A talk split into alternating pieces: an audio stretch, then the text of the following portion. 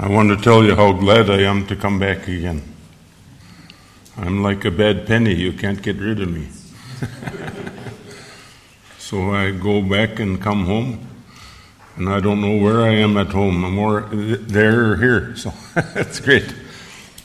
I was uh, standing on the corner down by the Scandic Strand, waiting to cross the street, and the lady came up to me and said, I knit that sweater for you. and sure enough, she had run a little, had a little shop down across the street, and I bought this from her several years ago, and she looked it over and she said, "You look pretty good in that." I said, "This is this is my kofta. You can't have it back." so we're in good shape. Yeah, it was great. So greetings from my wife Carolyn. Um, we had big plans that she was going to come along with me this year, and I was very excited about that. But we had a big event in our family. We had our 50th wedding anniversary. So it was, it, we got carried away. our, all of our kids and grandkids, 14 of us together, and Carolyn exhausted herself. So she asked to stay home and rest up from all the celebrations. I'm kind of mad at her about it, to tell you the truth, but since I'm lecturing on the forgiveness of sins, I'm going to let her off the hook. She's great, but she sends you her greetings and she remembers many of you by name, and we, of course, think of you always as friends and look forward to a chance to be with you. Um, one of the strangest things about the contemporary life of the church is all of the complaining about the forgiveness of sins. Can you imagine? For Luther, the forgiveness of sins is the contemporary equivalent of the resurrection of the dead. When you hear absolution, when you hear orally declared the forgiveness of your sins. Christ Jesus is taking your sins upon his back, bearing them for you, and releasing you to go back into life whole. It's hard to imagine how anything could be better. Huh? This is just pure grace, the gospel led out of ahead of time and as affirmative. Your sins are forgiven for Jesus' sake. So, the Catechism, hmm, in, the, in the Holy Sacrament, we receive forgiveness of sins, life, and salvation. For where there is forgiveness of sins, there is life and salvation. All the gifts of the gospel bestowed on us here and now. So there's hardly anything for us to complain about.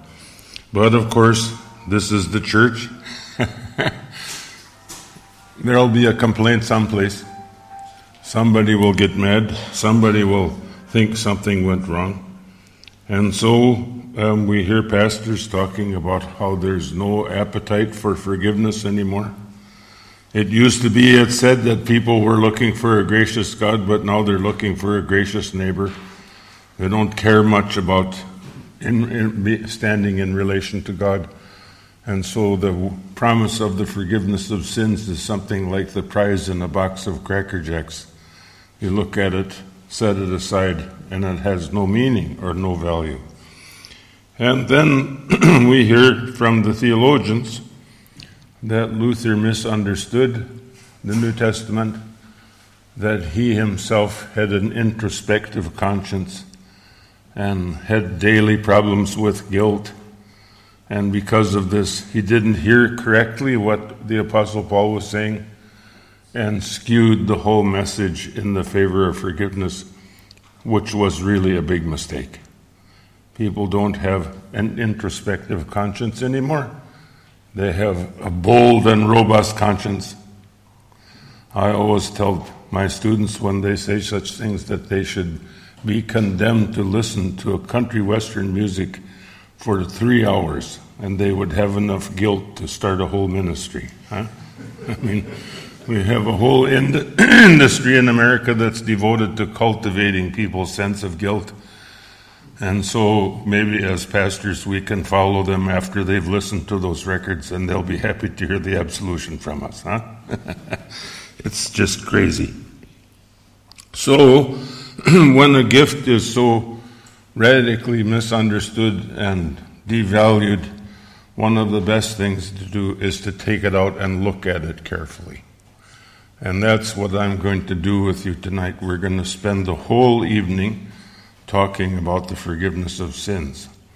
And we're hoping by this to see what's involved in this gift and why Luther could say that to hear the absolution is to be justified by faith. Huh? The absolution justifies us. What a lot of fun. So, we'll look at two things. First of all, we'll look at the law in relation to forgiveness, and that we'll talk then about forgiveness as therapy. Hmm? And then, secondly, we'll look at the gospel and justification. And in order to do that, I'm going to work with a very familiar story from the Gospel of John. This is one of the most delightful stories in all of the resurrection account where Jesus comes to look looking for his disciples. They've got the door locked for fear of the Jews, John says. Actually, I think they're more afraid of Jesus. And he he knows what will happen if he knocks that the disciples will be piled 10 deep, 11 deep behind the door and he'll never get in. So he goes right through the wall and teaches them the gift of the forgiveness of sins. So this is a lot of fun, and we'll look at this fairly closely. When we look at forgiveness in this dimension, we'll see it coming not out of the past, but out of the future, and opening the future wide so that we can enter it confidently and hopefully. So, the chief quality or the defining characteristic of the law, as Luther understands it, is its capacity for driving or accusing. You know what this is like. You drive down the road and you happen to notice that there is a car sitting off to the side, and you immediately look at your speedometer. Hmm? Or more likely, slow down just in case. Huh? It may be a policeman. The thought of the law drives you to reconsider your behavior and to adapt to the problem. Huh? You, I've bragged to you before about my wonderful mother in law. She's now 99 years old. And last year, um, maybe I told you she got a ticket for speeding. she passed the eye test and got her driver's license renewed, and she was out celebrating driving too fast. And the policeman stopped her.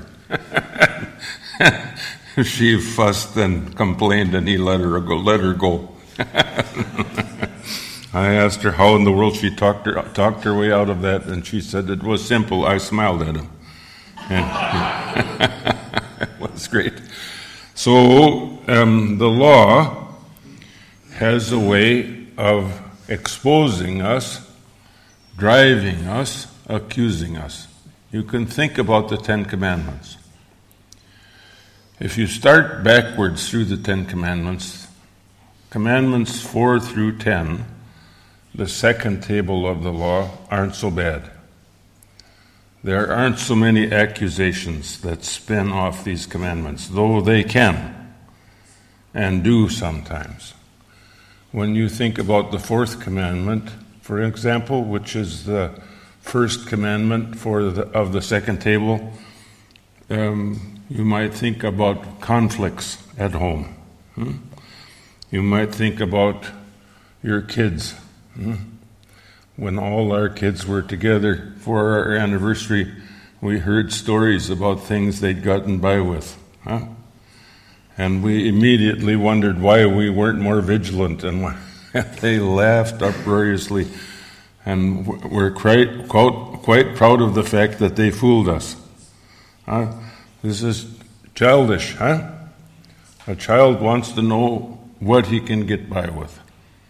But when you get by with it, then of course you begin to wonder about yourself and you get a sense of being wrong, of having done something wrong. So, but with the, the second table of the commandments, 4 through 10, most of us do pretty well.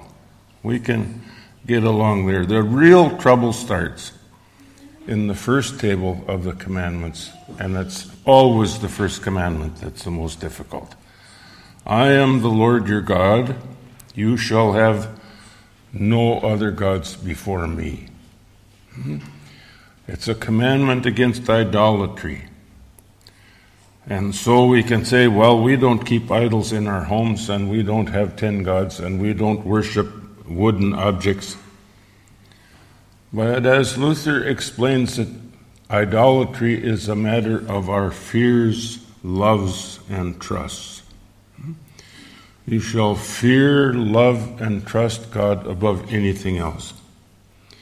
And when we begin to examine ourselves closely, we start realizing that our fears, loves, and trusts have been displaced. We turn to other things other than God. We fear, love, and trust other things. So, for instance, the rich man. We've got plenty of those in the States now, and they're all crowing about their tax cut. Huh? They've gotten, Donald Trump has given them a free government, and so they've got money to burn. And so, what does the rich man say when trouble comes? Well, I've got money. He fears, loves, and trusts his money. Or what do we say when we face illness? The doctor will take care of it. We fear, love, and trust the doctor. There is a whole panel of things that we look to to help us in a time of trouble. And it's, Luther says that which you turn to for help in a time of trouble is really your God. That's where we get in trouble. So, for instance, um, owning lots of property. I love, I love to tell a story about Leo Tolstoy. I suppose I've told it to you before, but Tolstoy wrote a, wrote a short story called How Much Land Does a Man Need? When they were settling um, the eastern part of Russia, they made land available um, to, um, to homestead, to settle. And the rule was you could have as much land as you could enclose in a day. So you had to set four stakes and get back to the first one. So you set the first stake, you went to the you went to the second, then to the third, then to the fourth, and then back to the first. You had to walk it all and enclose it all to make your claim. So a man set his first stake, walked as far as he dared, set the second, turned, walked as far as he dared, set the third, turned, walked as far as he dared, and set the fourth. And as he turned to go back to his first stake, he saw the sun setting, going, growing closer and closer, darker and darker. He ran as fast as he could, and he got within six feet, the length of his own body, of the first stake, and he collapsed and he died. So Tolstoy says, How much land does a man need? Oh, about six feet, about two meters. Huh? That's as much. Well, I have told that story for many years and I've told it to farmers. Huh? And their wives come and tell stories of how they just had to have a new tractor. And fishermen come and tell of how they just had to have the new boat. And it ruined everything. Well, idolatry is a simple matter of misplaced trust. We fear, love, and trust the tractor. We fear, love, and trust the fishing boat. We fear, love, and trust what we can get our hands on. and we die of it. Hmm? We die of it. And so the heart is an idol factory, John Calvin says. We're running after false gods every opportunity we get. We're always in the search. That's original sin. That's the person sin, as Luther calls it, that we turn to things that we can handle and control and make gods of them. And so the first commandment accuses us. The first commandment stands against us. It has a pointed finger. It says, You, you, you. And the law comes with that pointed finger and accuses us of idolatry or of other great and shameful sins, as Luther says. And so the law pursues us. You know how this works. Hmm? I begin to think about my Caroline, my dear wife of 50 years. And I wonder, I, I, I say, she hasn't kicked me out yet. She still has me in her bed. I'm still her husband. Huh? But then I think of things that could have disappointed her. And I think of struggles, and I think of the fights we went through early in our marriage and late in our marriage. I had a grandpa and grandma, Ingar and Mulla Nestingen. They fought their whole married life. I was with them when they'd been married 51 years and they got into a knockdown, drag out fight about a Scrabble game. I thought they were going to murder one another. I mean, well, you bring sinners together and what happens? There's conflict. And you can begin to think, you can begin to remember how these conflicts have unfolded, and you can feel the pointed finger. You, you, you. Huh? You remember the story of David, huh? When he was up on the roof watching Bathsheba take a bath and then sent her husband out into the battlefield to have him killed, right? And Nathan the prophet went to David and told him a story, and then he said to David, You are the man. That's what the law does. It points, it accuses, it confronts us. It says, You have failed here. You have not been an adequate father. You have not been an adequate mother. You have failed as a mate. You have failed in your work. You have failed this, in this, that, and every other thing. The law, that's the law is good at that. Hmm? It's like a wheel spinning in mud. It keeps throwing up accusations and confronting us. And so the law accuses us. But as it, it, it, accuses and drives, it doesn't know where it's going. That's the problem. It can show us our sins, but it can't show us any respite or any way out or any relief. And so the old Adam has discovered countless ways of protecting ourselves from these accusations. What does, what does your child say when he's done something wrong and you say so? I couldn't help it. I didn't mean it. I won't let it happen again. I'll try harder the next time. Huh? You can hear the old Adam going through one excuse after another, trying to find one that works. Huh? You've heard it all before, right? You did this and you did it wrongly and you're in trouble. Oh, it's not my fault. I didn't mean it. It was an accident. I couldn't help it. Other things were making me do this, huh? And so there's a whole list. Once, once our oldest son received a dollar and a half from his grandmother to go to the movie. He came home and she said, Do you have some change? He said, They changed the prices at the movie. It cost the whole dollar and a half. She said, That's interesting. We were just there the other day and the price was a dollar and a quarter. He said, Oh, they raised the price yesterday. And so she said, maybe we should call the theater and ask what the prices are. Oh, I don't think that'd be necessary, he said. well, you don't fool Grandma. Grandma had him dead to rights. And finally, he burst out in tears. Huh? I'll give her back the extra quarter, he said. I didn't count. Well, we, is, we make excuses and we try to justify ourselves and make ourselves right, and we keep spinning through all kinds of possibilities, looking for safety and respite. This is what Luther calls the false repentance of the papists. We refuse to admit our sins. we excuse, we defend, we protect, we explain, we use every device we can find to try to find our way off the hook.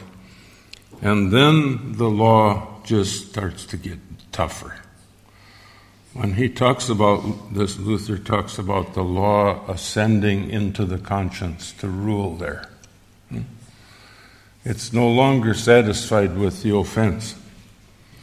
It doesn't say anymore, you did this. Now it says, you're the kind of person who does this. And when it says that, it says, it doesn't just say you made a mistake, it says you are wrong. You're not only wrong, but you enjoyed it. And you would do it again if you had half a chance. And it keeps piling in, piling in, piling in, until finally there's nowhere to turn. The law ascends into the conscience, it gets at your sense of yourself. And when it does this, you just freeze. You can't do anything about it. It's, it's just panic. Where am I going to turn? We get placed in the corner. now, Luther can speak this way of the law because he knows the gospel.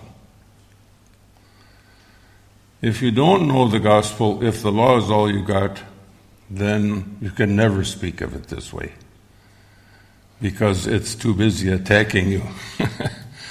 it won't let you off the hook. But when you know Christ Jesus, then you can look at the law and say, What are you doing to me? Hmm? Luther oftentimes, you know, his, he had a great sense of humor, and he would joke about this. When Moses attacks you, you turn to Christ Jesus and tell him to tell Moses to shut up because he's saying too much. He won't let go. Christ Jesus takes hold of the law, and when he takes hold of the law, he absorbs it into himself to atone for us so that we can be forgiven and actually begin into a new life. This is the miracle of it all. in order to see this, in order to see this clearly, we have to look at how law and gospel come together in the absolution. The gospel overlaps like siding, it overlaps the, the law. And when the gospel overlaps the law, it brings it to an end and creates a new possibility. Just listen to the absolution.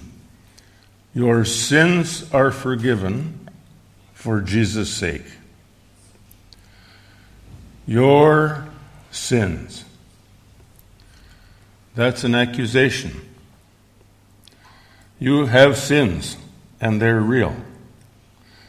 If you don't have any sins, there's no point in hearing the absolution. Hmm? My dad went to seminary with a man like that. He was so pious, he was convinced that he had no sins at all. My dad was a big man, and his name was Joyce. He hated that name. He, in, in English, it's a girl's name. His, mo- his mother liked a poet named Joyce Kilmer and named my father Joyce. He was unhappy about it all his life. He was as strong as an ox. He went through seminary, and while he was going through seminary, he was a boat builder on the Mississippi River. He built big plywood boats that were used to patrol for submarines. So he was working full time and studying full time. He came home one night from work. He was dirty and sweaty. He went into the bathroom, and there stood this man who was so pious. Raymond Johnson, his name was. Raymond Larson. And he said to my dad, he said, I had a good day today, Joyce. I didn't sin. My dad looked at him and said, You keep that up, Pearlie, and or you keep that up, Raymond, and you're going to put Christ Jesus out of work. Hmm? When we speak about the forgiveness of sins, we assume we have some. Sometimes we're hardly aware of them. But sometimes we're so desperately aware of them that's all we can think of.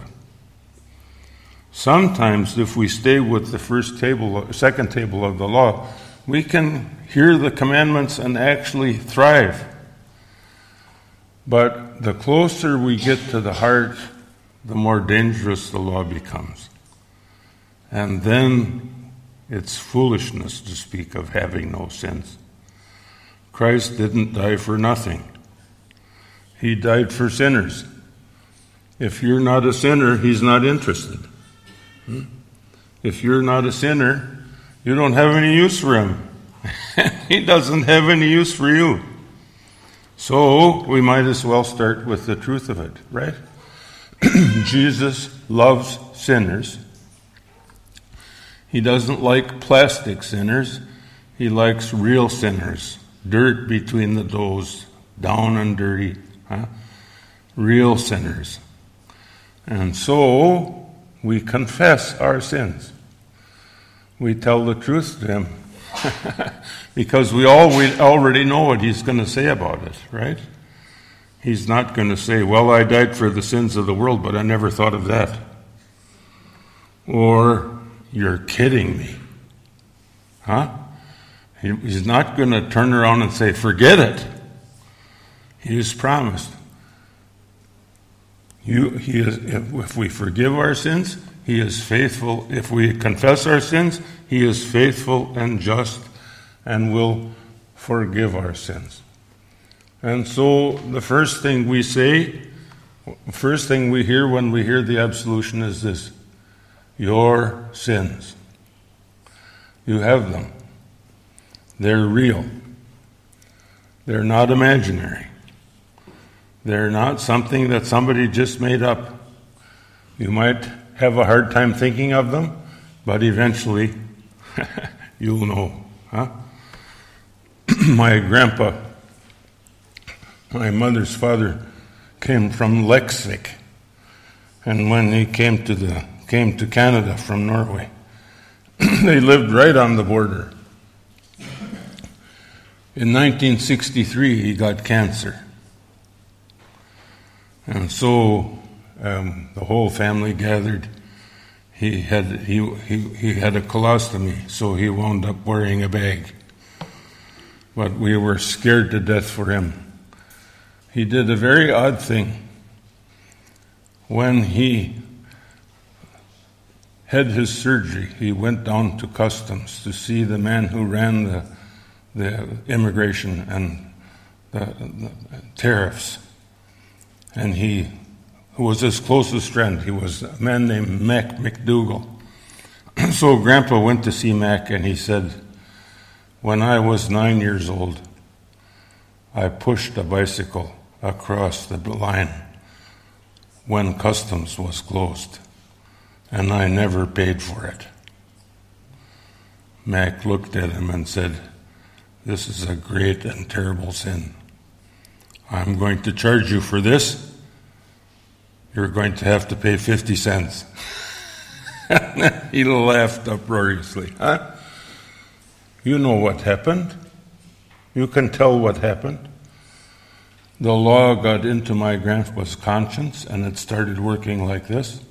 accusing, accusing, accusing, accusing, and pretty soon all of my all my grandpa could think of was this. He'd walk a bicycle across the Canadian border when he was nine years old. And Mac, who understood this as well as anyone, charged him 50 cents mainly as a joke. Two old friends, huh? Because forgiveness is bigger than 50 cents for Pete's sake. Huh?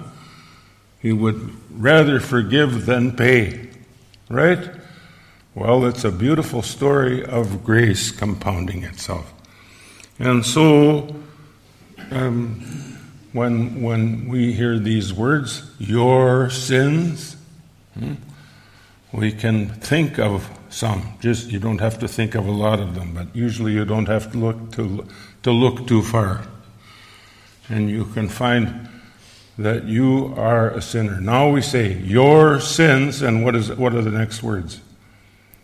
Are forgiven.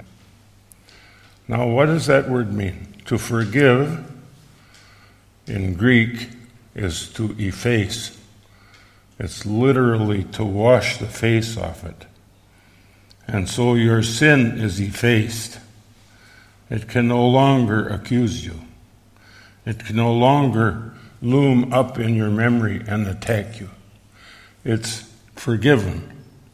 And it's forgiven in this way that Christ Jesus takes it upon himself.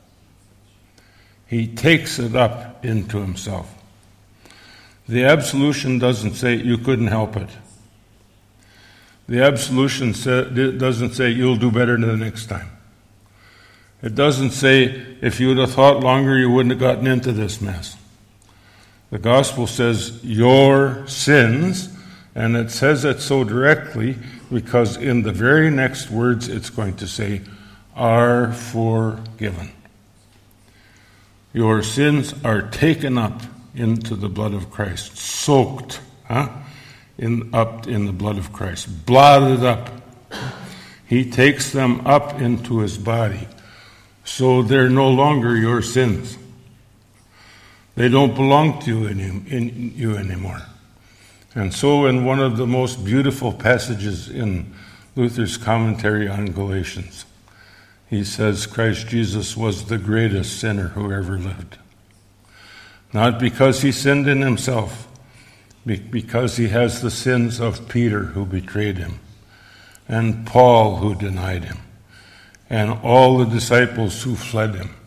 He's taken their sins into himself. He has the sins of Mary Magdalene, and he has the sins of the prostitute who he loved, and he has the sins of all the sinners who have gathered around him. He stinks with sin. He has become sin, Paul says. He has become our sin for us. And he's done this by taking his, our sins into himself. This is called the atonement. If you look at that word, it means the at one He has become one with us by taking our sins upon himself. And so we can no longer be accused. All accusations are now forwarded to Christ Jesus. When the devil, devil comes and starts taunting us with our sins, we say to him, You're at the wrong address. All this mail is being forwarded to Christ Jesus. He is the one who owns my sins now. You have no business bothering me about this. Because your sin is forgiven for Jesus' sake. He has all your sins, they belong to Him. And if you fight him, if you want to try to get him back, he'll fight you for them. He won't let you have them because he's taken them from you. Huh? They're no longer yours. You can no longer be accused. And so, your, though your sins as, are as scarlet, hmm? in Christ you are white as snow. I had a student years ago she never became a pastor for obvious reasons. Huh? But she came to me once to confess. When she made confession, she said she had gone out with a group of boys. and she had had sexual relations with 14 of them in the same night. She was so full of shame that she couldn't stand herself. And she wept with bitter tears over abusing herself so horribly. When I spoke the absolution to her, it was as though she broke. she wept, and her weeping became tears of joy. Because what had accused her so terribly and condemned her so vividly now had been taken on Christ's shoulders, and she could live she could live. This is absolution. This is the forgiveness of sins. Christ takes your sins from you. He won't let you have them anymore. He, in effect, becomes guilty of your sins for you so that the guilt no longer belongs to you. This is why we say forgiveness of sins is the resurrection of the dead let out ahead of time. When you hear absolution, when you hear someone say to you, Your sins are forgiven, Christ Jesus Himself is speaking. Christ Jesus is taking what has been burdensome to you, what you can't forget. Christ Jesus is taking what has condemned you. He is taking it, taking it upon Himself, and taking it upon Himself is freeing you to enter into life. Huh? To enter into life whole and free and alive. So that you can go home again. You can go into the very situations where you've had trouble, and you can go there with hope and with courage because Christ Jesus is going with you. Huh? This is the promise of the gospel. And so, according to Luther, the forgiveness of sins is not simply a reference to the past as therapy, but it's a promise for the future. Having forgiven you, Christ Jesus promises to deal with you in the future in the forgiveness of sins so that you can live in this hope and confidence. Now, one of the best ways to see how this works is to look at the wonderful story which we have always in the Easter season of Christ Jesus appearing to his disciples in the upper room. John says they've gone and hidden themselves there for fear of the Jews. That makes good sense. When you get the leader, then you start looking for those that have hung around with him. And so they have crucified Christ Jesus and naturally, the authorities are concerned to mop up the disciples, to catch the rest of them, so that they don't have any further trouble. So it makes sense that they would hide themselves. Hmm? But when we read the stories of the Passion, especially in the Gospel of Mark, what do we read about the disciples? They all forsook him and fled. When it came to the end, when he was in the deepest situation of his life, his disciples disappeared. Peter, you remember this story, this is told with brutal detail. Huh? Peter, who had promised to be faithful to the end, went down at the hands of a milkmaid, Luther liked to say. It wasn't a big Roman soldier that scared him into denying. It was a 14 year old acne scarred milkmaid, and she didn't say, You're a friend of Jesus. She said, Doesn't your accent give, give you away? Don't you come from Galilee? I never knew him, he said. Who are you talking about? She said. Peter denied three times. And the rest of the disciples, huh? How did they do? Not well. Hmm? Not well. They all forsook him and fled. So they had reason to be afraid of the, of the authorities. But what if Jesus was raised from the dead and came back to them and started talking about what happened when he was crucified? Now that would be something to be afraid of. And so they're petrified with their fears. They don't know where to turn. And so they, they hide in the upper room. And Jesus comes looking for them. What they dread the most.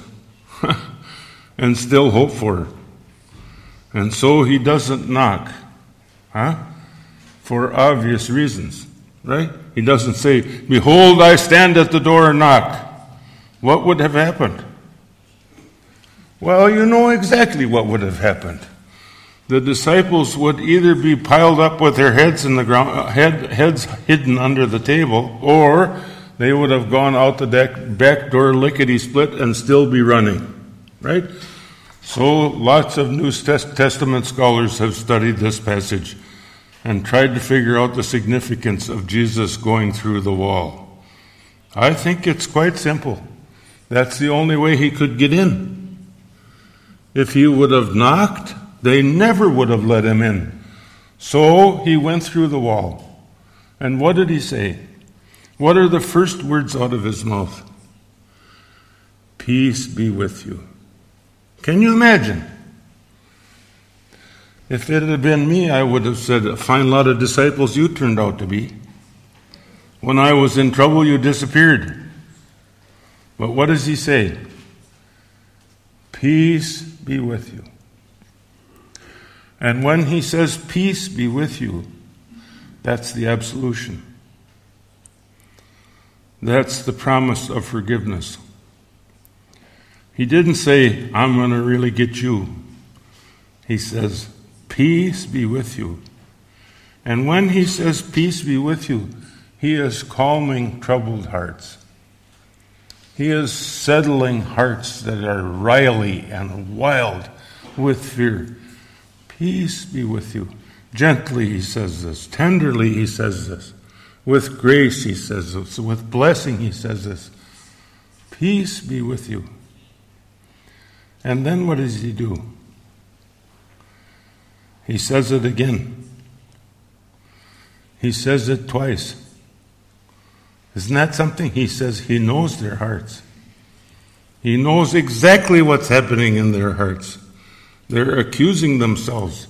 The devil is accusing them. They're full of their sins. They can't believe it. If he says it once, they'll start thinking about their sins again, sure as you know. So, what does he say? Peace be with you. Peace be with you. He says it twice to grace their hearts, to grace their consciences, to settle their hearts. And then he does the most amazing thing of all. They have proven untrustworthy. They have become betrayers. They have let, let him down. In the, at the most basic time of his whole ministry, they have proved worthless. And what does he say? Well, you know this story as well as I do. He breathes on them. And what does he say? Receive the Holy Spirit. If you forgive the sins of any, they are forgiven. And if you retain the sins of any, they are retained. He for, not only forgives them, but he empowers them so that they can bring the word of forgiveness to all and sundry, all around them. He forgives them and empowers them to forgive so that they can go to the whole community and speak the words of absolution. This is why we speak of forgiveness of sins and resurrection in the same terms. Forgiving, he is raising the dead. Raising the dead, he is forgiving. He's bringing, into a, bringing us into a new future where he deals with us now by grace. He saves us so that we can turn to him, hmm, sinners that we are, and say, Take it all, take it all, take it all. Take my sins, every last one of them. Get rid of them. We can say to him, if you want to forgive, I've got some doozies for you. If you're going to forgive, take every last sin off me because I've got enough to keep you busy for a while. Right? Of course. He forgives, and because He forgives, we rejoice in this gift. And what do we do then? Well, we say the same to our neighbors. He's empowered you, He's authorized you, He's given you grace sufficient so that you can turn to your neighbors and you can say the same hmm? to your kids. Hmm? Once I was at a church service with some old Finns, Lestadianer. And so I went to visit the, uh, the pastor was a friend. So I called him the night before. I said, Can you take a Gentile tomorrow? Will you let a sinner in? He said, You can come. so I came to the service. Here were here was a big family of Finlanders. Hmm? Suomalainen, right? Huh? The Lestadians have big families. And so a young mother, 29 or 30, and 11 kids. And they all lined up at the altar. It looked like Helsinki. Huh? There was the whole table was blonde. White blonde Finns, like white blonde Norwegians, lined up in a row. And the pastor came walking down, absolving them one by one. Mother first, father, and then each of the children. And when each of the parents was absolved, they absolved one another. And then they went and absolved each one of the children. Huh? It was the Easter. Huh? You think of that big family all living in the same house? It must have been total warfare. And here comes the word of forgiveness to free them all at once. It was a miracle, huh? a blessing. Christ getting loose to do what he does, huh? to bless the whole community. I could hardly take it. I got up the next I got up at the next table and Art said, Well, I suppose I can absolve you too, he said. Lestadians don't like seminary professors. Natural enemies.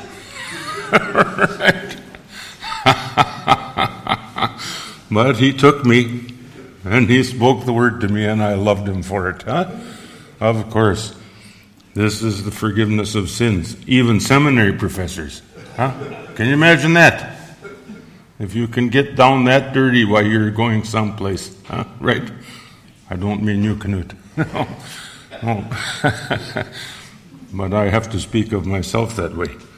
So, we see this, what's happening here. Forgiveness is, does not depend on guilt. For, forgiveness does not depend on how much you've sinned.